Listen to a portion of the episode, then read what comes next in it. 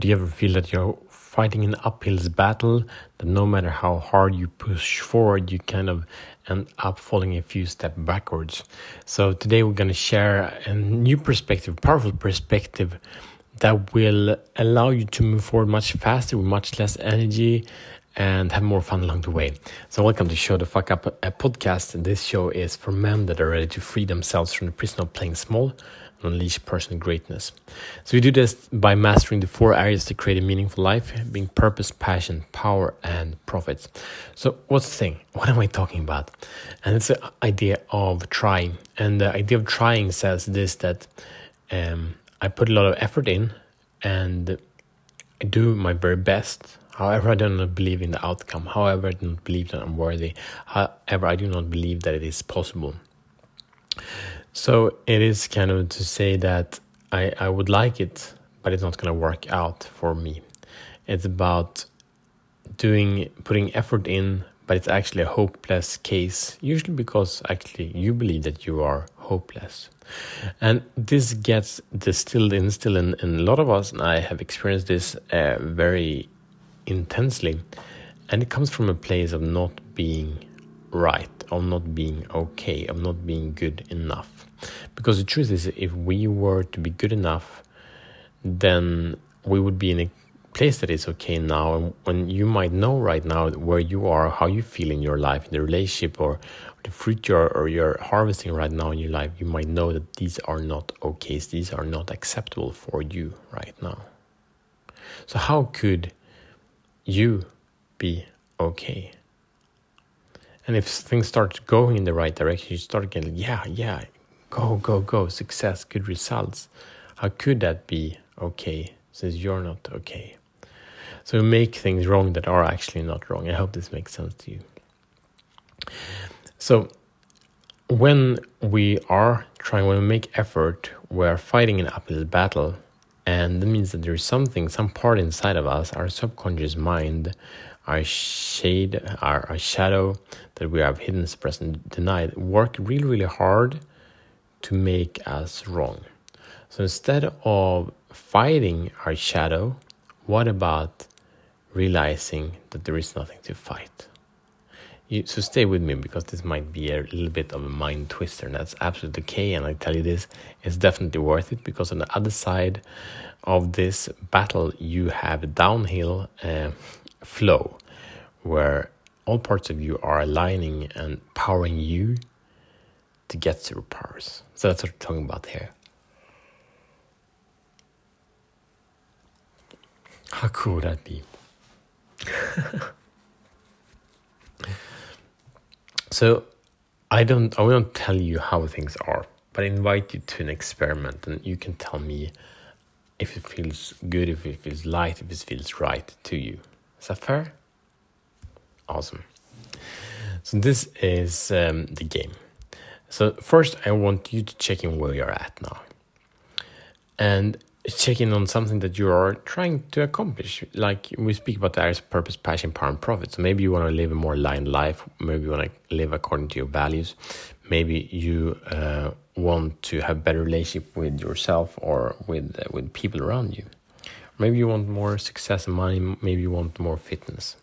It doesn't matter what it is. It matters that you are there. So in the moment when you want something different, a lot of people come from a place of if I want something different, it's because it's wrong in the moment. And if it's wrong in the moment, if the moment is wrong, it can only come from one place. That is the place of you are wrong. So the moment can never be wrong if we feel absolutely okay with this that is. So I invite you for this very moment as it is, just invite total 100% allowance of what is, of your body, mind, soul, spirit. Can you invite connect total allowance of if, if you want to change your, your weight can you invite total allowance for what is? Is something wrong? It might be something else desirable.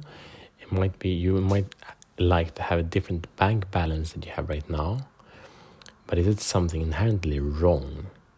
Is it something inherently negative stupid unworthy with the result you have in your life right now say i would like to, yeah yeah get that you would like something but isn't something actually wrong? If you look at another person, it's usually easier. You would look at another person, you would meet them and they would have the same results. Are they stupid? Are they unworthy? You get this? Are they actually unworthy?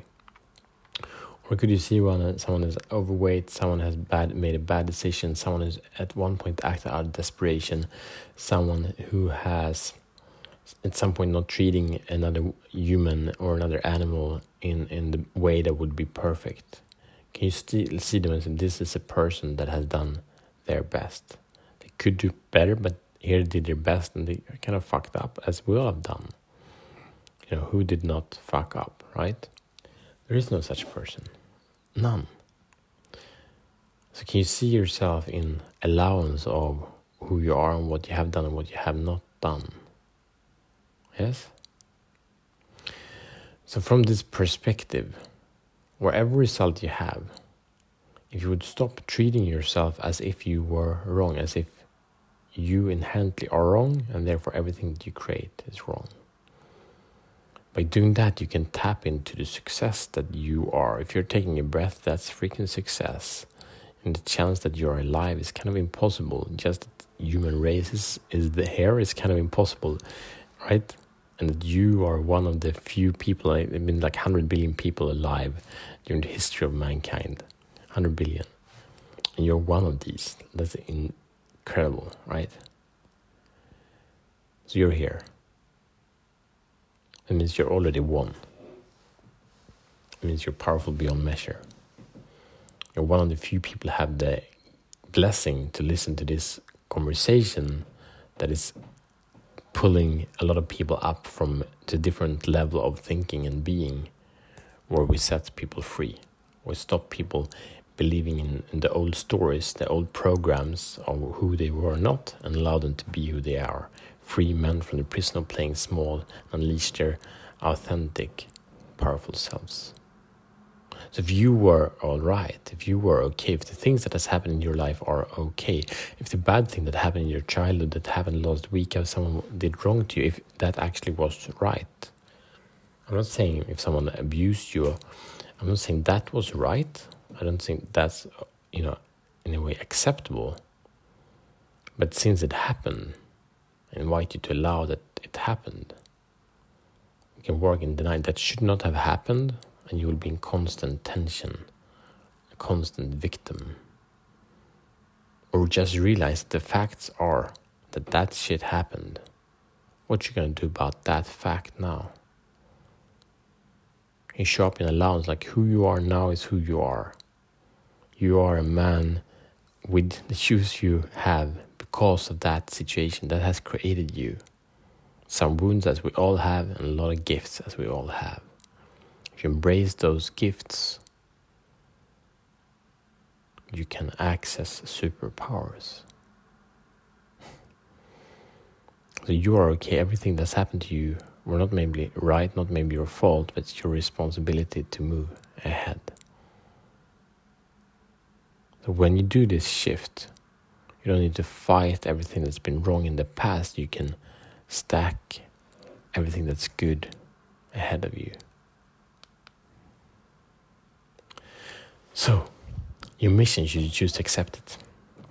Identify how you're making yourself wrong, how you're making your life wrong. And number two, clarify if you, if all of this was not true, that you are wrong, that it is wrong, if it's all was right, how would your life look like then? If you were starting it as the battle was as the ride actually was downhill in the original battle, how would that shift the perspective of your life. That's it. That's a challenge. Shut the fuck up, take action, get clarity, answer these questions, and your life will transform. And if you think that I don't have this, search a bit deeper. We, also, we all have areas that we